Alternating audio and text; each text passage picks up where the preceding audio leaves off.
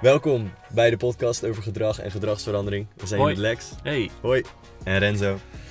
We gaan het vandaag hebben over wat zijn millennials. Ja, wat zijn millennials? wel- Ik kan het zelf niet zeggen, want ik ben een millennial. Dus nou, je kunt wel iets zeggen over je eigen generatie misschien. Dit is wel een heel leuk onderwerp. ja, En dit is eh, ook een onderwerp waarvan we ook op de website eh, merken dat er veel op gezocht wordt.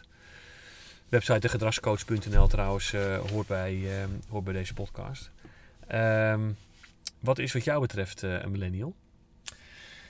ik weet het niet. We hebben best wel een slechte naam. Ja, hè? dat weet ik. We hebben best wel een negatieve, negatieve naam, denk ik. Als je zegt van ik ben een millennial. Dan, of ik denk niet dat mensen graag van mijn generatie zeggen dat ze een millennial zijn. Eh, wat is een millennial? Ik denk dat we best wel... Ja, we zijn opgegroeid in een, in een tijd waar alles mogelijk is. En waar we weinig echt shit hebben meegemaakt, om het eventjes zo te noemen. En alle keuzes hebben. En ook het gevoel hebben dat wij, mm, hoe zeg je dat? Die keuze zou het waard zijn om die keuze te maken. Of in ieder geval het verdienen om die keuzes te maken. En altijd eh, ja, vrij zijn om te doen wat we willen, zou je misschien wel kunnen zeggen. Mooi, mooie samenvatting. ik, ik ben benieuwd. Ik ben benieuwd wat jij daarover denkt. Ja, we hebben, het, we hebben het vaker over millennials gehad. Ik heb het ook vaak ook met millennials gehad over millennials. Ehm, en het, het, het lastige voor de millennial is, denk ik, dat eh, hij en zij in een hele ander tijdsgevricht zijn opgegroeid, gevormd, zou je kunnen zeggen. Ik zal zo uitleggen wat ik praktisch zie, dan de generaties daarvoor. En dat er daadwerkelijk ook een afstand is, en ik zal zo verklaren wat mij betreft waar die afstand vandaan komt. Dat er een afstand is tussen hoe zij tegen de wereld aankijken en ook de generaties na de millennial tegen de wereld aankijken en hoe de generaties voor eh, de millennial eh, na- naar de wereld kijken. Ik denk echt dat daar een soort van, ja wat is dat, daar is echt een soort omslag ontstaan. Ja. Door een externe factor die ik zo eh, zal, toe, eh, zal toelichten. Maar eh, ja, het klopt wat je zegt. De millennial heeft vaak. Er zijn veel voorbeelden te vinden. Dat merk ik ook bij werkgevers, bij organisaties die proberen te werken met millennials. En er zijn veel voorbeelden te vinden voor organisaties. waarbij mensen in, in de leeftijdscategorie waarin je zit. in feite niet doen wat men had gehoopt. Waardoor de kritiek ontstaat. Dan vervolgens worden de voorbeelden aan elkaar geknoopt. En vervolgens wordt dan gezegd: het zijn, eh, het zijn de millennials. Ehm, dus ik denk dat er best wel aanleiding is eh, om, eh, om, om die groep eens even goed te bespreken. En ik hoop daarmee vooral de luisteraar in een wat praktische, meer praktische manier te laten kijken naar wat gebeurt er nou eigenlijk met deze groep, zodat we die groep kunnen begrijpen. En als we hem kunnen begrijpen, hoeven we ons niet meer zo te frustreren misschien wel. Wat is de millennial? De millennial is in feite gewoon ja, een generatie. En, en wat is een generatie? Ja, dat is een heel raar iets eigenlijk. Want we rapen dus blijkbaar mensen bij een bepaald geboortegetal bij elkaar. En we zeggen dat is dan een generatie. Ik ben zelf van generatie X. eh, en ehm, dat is een soort discutabele jaartallenselectie. Zo van ja, als je nou in die groep zit, dan val je onder die generatie. Nou, allereerst natuurlijk is dat een hele discutabele manier van mensen samenvoegen. Alsof mensen überhaupt samen te voegen zijn. Ik hoop dat als één ding deze podcast nou laat zien, is dat mensen heel verschillend erin zitten. En dat je dus niet mensen eigenlijk op één hoop kan gooien. Dus de millennial als groep valt uiteen in allerlei soorten mensen, zou je kunnen zeggen, die op een bepaalde manier gevormd zijn. De mens is gevormd van geboorte tot vandaag. En de millennial is dus in feite een mens dat voor hem of haar gebruikelijk gedrag laat zien vandaag. En wat voor jou gebruikelijk is, Renzo, is voor mij totaal niet gebruikelijk, merk ik. De manier wa- waarop eh, de generatie van de millennial, en ik verschil niet eens zoveel eh, met jou, wij schelen een jaar of eh 15, nee, iets meer nog zelfs. Eh, ehm, eh, er zit een enorme gat tussen, eh, tussen hoe ik eh, ehm, eh, in mijn jeugd ben gevormd, in mijn eerste 20 jaar misschien wel ben gevormd, en hoe de millennial is gevormd. En daar is een fundamenteel punt voor nodig geweest, wat mij betreft. Twee fundamentele punten. Eén, echt wel een exponentiële toename van welvaart. De jaren 90 voor Nederland zijn extreem, extreem welvarend geweest. Dat weet jij niet, want jij weet niet beter en je weet ook niet anders. En toen ik in die jaren 90 zat, wist ik het ook niet, want ik was nog jong. Maar als je kijkt naar hoeveel welvaartswin wij gehad hebben over de laatste decennia, is dat echt gigantisch. Eigenlijk is alles voorradig op ieder moment en er is eigenlijk heel veel comfort. Eh, er is misschien wel zoveel, zoveel comfort dat je je zelfs kunt afvragen of het comfort ons inmiddels niet soms wat tegenwerkt als mens, als individu, dat dat met ons meewerkt. Maar, maar dat zegt iemand die wat minder comfort misschien heeft gekend, tegen een generatie die eigenlijk heel veel comfort heeft gekend en die zegt: Ik zie niet heel veel comfort, Lex, ik zie gewoon comfort. Het is namelijk voor mij het normaal. Ik ben niet anders gewend. Wanneer kun je over heel veel of heel weinig praten? Als je het verschil gezien hebt. Maar de generatie van de millennial is misschien wel opgegroeid in heel veel wel- welvaart. Ik zeg wel eens, ik heb het gevoel dat het hoogtepunt van die welvaart voor de millennial achter ons ligt. En dat de, dat de millennial een soort van mm, eh, de aankomende decennia eraan moet wennen dat het niet meer was zoals het vroeger was, zullen we maar Ja. zeggen. Eh, en ik ben anders gevormd.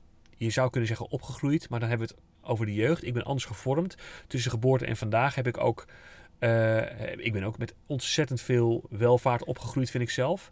Alleen eh, dat is wel in een opwaartse lijn nog gegaan. Ik heb nog meegemaakt dat, dat ik het zag groeien, de welvaart. En zeker de jonge jaren zijn heel belangrijk voor je vorming. En Ja, voor je normaal misschien. Voor het perspectief van wat voor jou normaal is. Want ik wil het tweede punt nu gaan introduceren, inderdaad. En dat is technologie. Er is Ja. met, de, met de komst van de smartphone en daarbij gelijktijdig de komst van social media, is er een gigantische aardverschuiving, wat mij betreft, gebeurd in wat het normaal is in gedrag. Er is een geweldig YouTube-filmpje uit 1999 die aan mensen vraagt: Heeft u behoefte aan een mo- mobiele telefoon? 1999. Mensen staan daar heel ver vanaf. Zeggen, mobiele telefoon heb ik helemaal niet nodig. Als ik iemand wil bellen, dan schrijf ik wel een brief, letterlijk. En eh, mobiele telefoon eh, is gewoon voor bellen en eh, dat doe ik thuis wel. Nee, nee, nee, de mobiele telefoon werd niet een communicatiemiddel om mee te bellen. Het werd een communicatiemiddel waarmee je etaleert. Waarmee je via social media laat zien wie je bent, waar je voor staat. Je schiet plaatjes en je maakt vrienden op allerlei plekken in de planeet. Dat is voor jou heel gebruikelijk. Voor generaties voor jou moest de fiets eh, eraan ter hand komen om in je eigen postcodegebied vrienden te maken. Je kon niet iemand, je kon niet een foto van jezelf maken, want je had geen fototoestel. En als je al een foto maakte, duurde het drie weken om het te ontwikkelen, omdat je ouders er namelijk nodig voor waren. Je had niet dingen die je via één druk op de knop kon etaleren met de hele wereld, zeg maar. Alle generaties voor jou moesten via veel meer handwerk, zou je, moeten, zou je kunnen zeggen, veel meer praktische confrontatie met anderen, moesten relaties aangaan, verbindingen leggen, etc. De millennial is daarin, eh, heeft daarin een mogelijkheid gekregen om op afstand, in feite thuis, op je bank of in je stoel, eh, verbindingen te leggen met allerlei mensen om je heen. En dat noemen we dan vrienden. En de manier waarop de generatie kijkt naar vrienden is een hele andere manier, denk ik, dan misschien de generatie daarvoor gekeken hebben naar, of kijken naar vrienden, zeg maar. Simpelweg omdat Facebook het friends is gaan noemen, ga je ook daadwerkelijk geloven dat dat is wat vrienden zijn.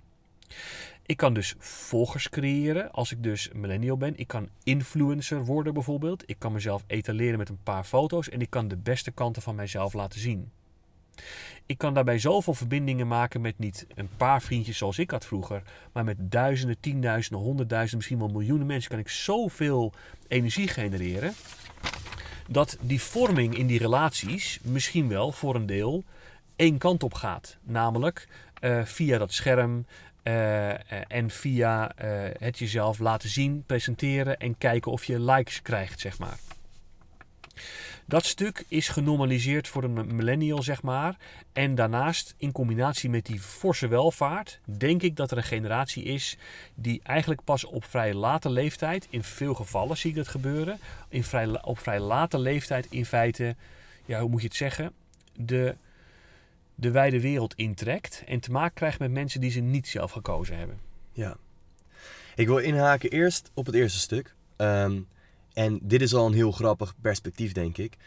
Jij zegt, wij hebben welvaart meegemaakt op een gegeven moment. Dus, De groei dus van welvaart. De groei, dus jouw generatie heeft de groei van welvaart meegemaakt. En jullie zitten nu in een welvarende tijdperk, zou je dus kunnen zeggen. Klopt ja, dat? absoluut. Ja. Voor mijn generatie en mijn perspectief zou zijn, wij hebben nooit crisis meegemaakt. Wat eigenlijk inhoudt dat dit ons normaal is. Welvaart is voor ons normaal. Dit is hoe het hoort te zijn. En als het nu naar jou normaal gaat, noem ik het een crisis en jij noemt het normaal. Dus jij ziet nu, misschien wat je zou kunnen zeggen, jij ziet nu dat je in een omgeving zit waar alles goed gaat en jij bent daar wellicht dankbaar voor of blij mee en denkt van wauw, dat, dat wij dit meemaken is geweldig. Voor mij is het ver, maar dit is toch hoe het hoort te zijn. En Ja. als het, het afzakt, dan, dan zijn er problemen. Dan, is er, dan zijn er dingen aan de hand. En we hebben allebei gelijk. Ja, Het probleem is dat we allebei gelijk hebben. Dus waar komen die spanningen ook op de werkplek onder andere vandaan? Dat die referentiekaders, die dus zo verschillen van elkaar, samenkomen in die plek.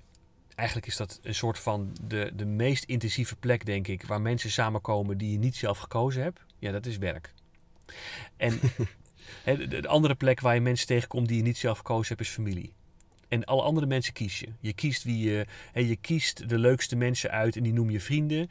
Je kijkt op je socials wie er eh, het met je eens is en daar heb je meer contact mee. En de, je criticasters of, zoals het dan genoemd wordt, haters, die ga daar ga je niet mee in gesprek. Dus je selecteert, eh, eh, je selecteert de mensen met wie je om wil gaan en je negeert in feite de mensen met wie je niet om wil gaan. Totdat je op die werkplek komt. En voor eh, flink wat voorbeelden van jouw generatie zie je dat dat op een vrij laat moment pas plaatsvindt. Ik ken mensen die op hun 20ste, 25ste, 30ste pas voor het eerst de werkplek betreden. Je bent dan al 30 jaar gevormd in ehm, het maken van een ander type relaties dan op de werkplek via fysiek contact. Er worden ook grapjes wel eens gemaakt over millennials die niet durven te bellen. Ik, Ja. zie, ik zie dat vaker gebeuren. Eh, waarom durft iemand niet te bellen? Ja, simpelweg omdat iemand niet geoefend is in bellen. Waarom vindt iemand het moeilijk om contact te leggen met mensen die niet, die hij niet kent? Omdat simpelweg iemand niet geoefend is in contact leggen met mensen die je niet kent. Dus de, de hele manier waarop er wordt contact gelegd, de hele manier waarop ik dingen gewend ben, eh, eh, de hele manier waarop ik überhaupt vind dat iemand in of buiten mijn netwerk hoort, is een totaal diametrale andere manier dan de generaties voor de millennial. Ja, en ik denk, ja, absoluut. En ik denk, we hebben het in aflevering 9, dat gaat over de belemmerende factor, zoiets. De We hebben belemmering. het over angst gehad. ja. Ja. we hebben het over angst gehad. Is dat, en daarin hebben we, hebben we het gehad over dat ehm, wat je niet meemaakt, sorry, ik probeer hem even goed te verwoorden. Over als je iets niet hebt meegemaakt, dan kan het iets beangstigend zijn. Dus, dus als ik nog niet door, ik kan even niet zo snel op een voorbeeld komen, maar als ik nog niet door, als het nog niet normaal is voor mij om met mensen te praten, dan vind ik het misschien heel spannend om met mensen te gaan praten. Als millennial zijnde ehm, ben ik heel erg opgegroeid in een tijd van digitalisering, ehm, social media, waarmee ik niet geconfronteerd word met allemaal mensen. En niet geconfronteerd word met. Ik kan me eigenlijk verschuilen achter een scherm. Dus als ik daarna met andere mensen om me heen ben die mij direct kunnen confronteren. of waar ik direct een gesprek mee moet hebben. dan is dat misschien heel, angst, heel beangstigend. En dat ga ik liever uit de weg. Vermijden of ontsnappen, de functie van gedrag. Hè, aflevering 2. Vermijden of ontsnappen is, is dan dus mogelijk. Want waarom? Je kunt dus via dat scherm altijd mensen vinden die het met je eens zijn. En eh, je kunt dus een kant op bewegen die je zelf kiest. Er zijn zoveel verbindingen nu, ook digitale verbindingen. De vraag is of dat echte verbindingen zijn. Maar dat zegt iemand die ook op een andere manier, eh, die, die voor de digitalisering verbindingen al moest aanleggen. De vraag is of het echte verbindingen zijn. En ik kan dus afbuigen naar een groep verzamelen. eh, Ik kan een groep mensen om me heen verzamelen die zeggen: Lex, werken, is, werken is voor jou helemaal niet geschikt, joh. Je bent helemaal niet gemaakt om te werken. En, en eh, we zijn van de groep, de Facebookgroep of de Instagram-groep, die heet Werk is niets voor mij. En daarin delen we ons via lotgenotencontact met elkaar onze eerste ervaringen. Ik heb mensen meegemaakt van 25 die huilend voor mij staan en zeggen: Lex, eh, ik ben op een hele negatieve manier aangesproken op mijn werk. Is me nog nooit overkomen dat ik op die manier kritiek heb gehad. Ja, daar, daar gaan we het nog over hebben. Feedback.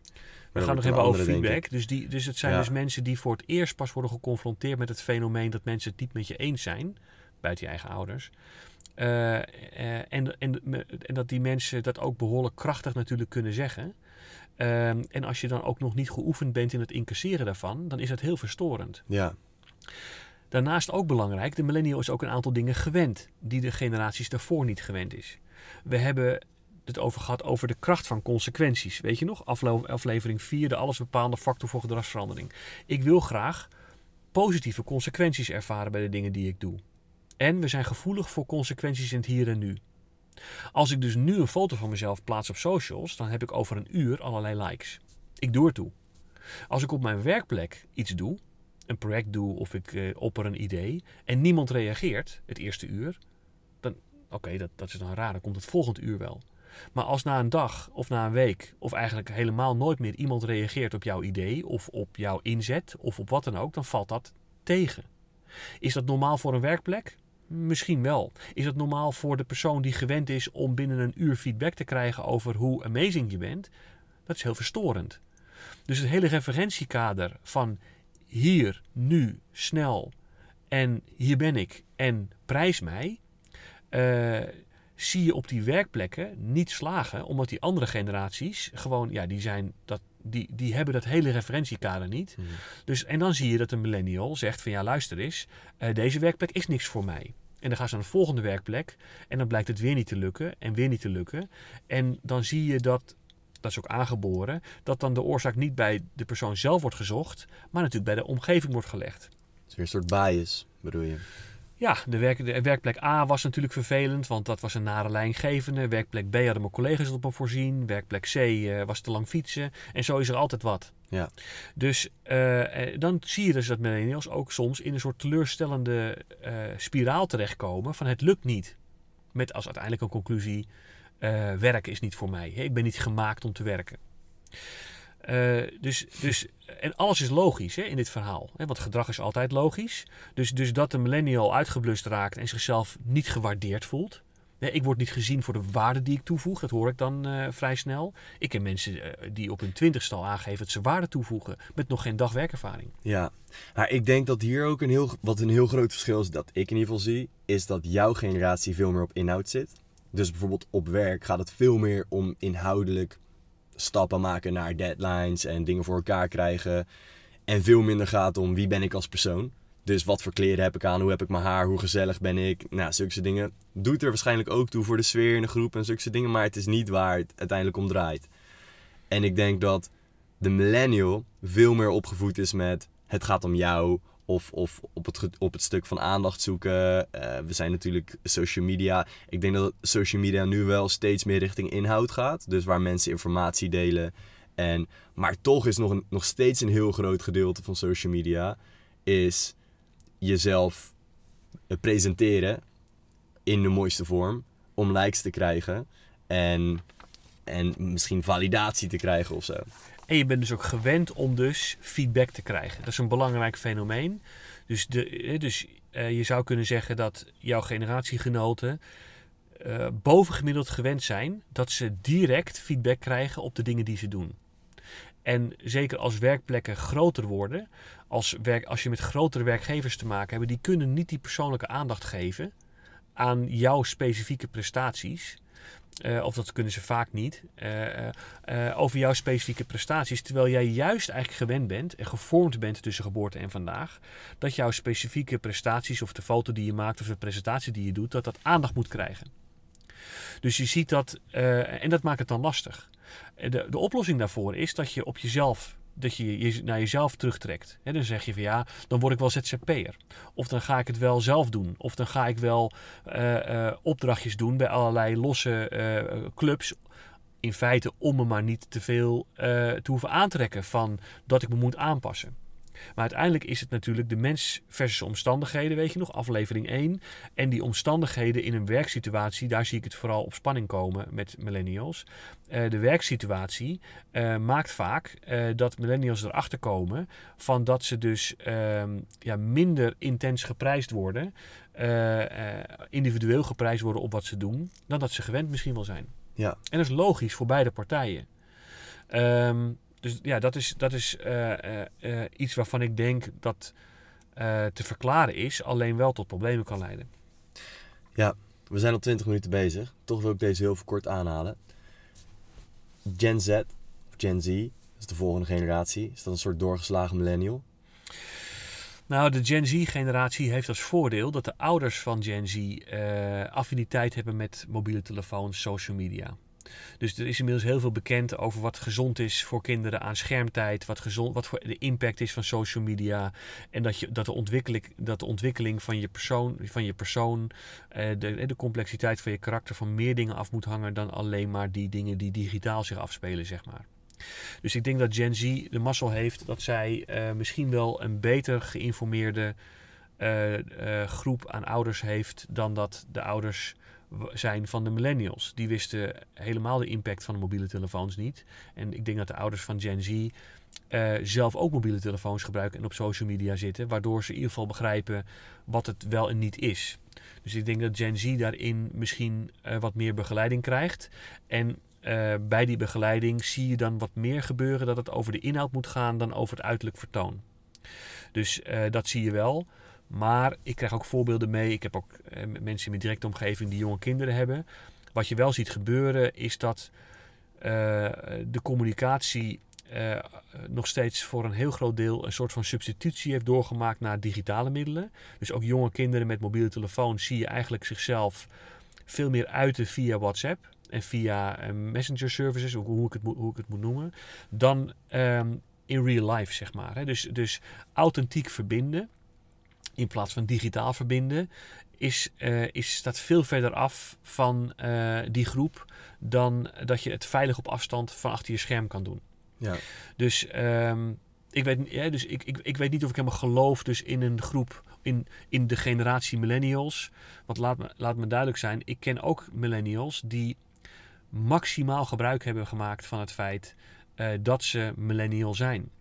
maximaal gebruik hebben gemaakt met een snelheid hun werk, studies, ontwikkeling opgepakt hebben. Echt verbijsterend. Echt factor 2, 3 sneller. En ik ben iemand die, denk ik, vanaf jongs af aan geprobeerd heeft, vanaf zijn 20 jaar, om te actief te investeren in uh, eigen ontwikkeling. Maar ik zie mensen nu echt een factor 2, 3 snel, meer snelheid maken. Simpelweg omdat je zoveel meer, meer, meer, middelen tot je beschikking hebt. Je kunt zoveel sneller gaan.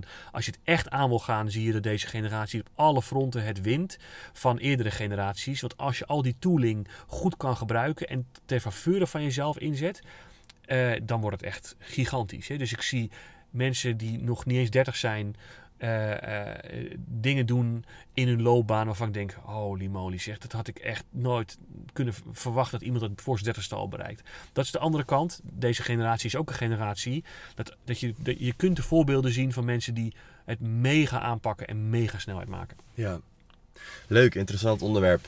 Millennials, generaties over het algemeen. Ook zometeen, wat is, de, wat, wordt, wat is het normaal van de Gen Z of de Gen Z? Zo is het. Is het normaal digitaal, dat alles digitaal is, is het heel raar voor hun als er ineens geen telefoons zouden zijn bijvoorbeeld, waarschijnlijk. Eens. En, ja. uh, en wat is dan normaal? Hè? Want als dat normaal is of als dat de waarheid is, hebben we dan, zoals jij wel eens vaker zegt, hebben we allemaal geen gelijk. Precies. Het is alleen hoe gaan we om met elkaar. Ik denk, hoe gaan we om met elkaar, begrijpen we elkaar? Hey, hoe, kom, hoe komt, jou, uh, hoe komt jouw uh, generatie er nu samengevat vanaf, vind je? Um, Ah, dat is heel moeilijk. Ik denk dat er meer, meer diversiteit is. Dus mensen die aan de ene kant doorslaan, uh, uh, of doorslaan is misschien geen goede. Er is een grotere. Het spectrum tussen, um, tussen maximaal profijt halen van de, de middelen die we tot beschikking hebben, is, is groter.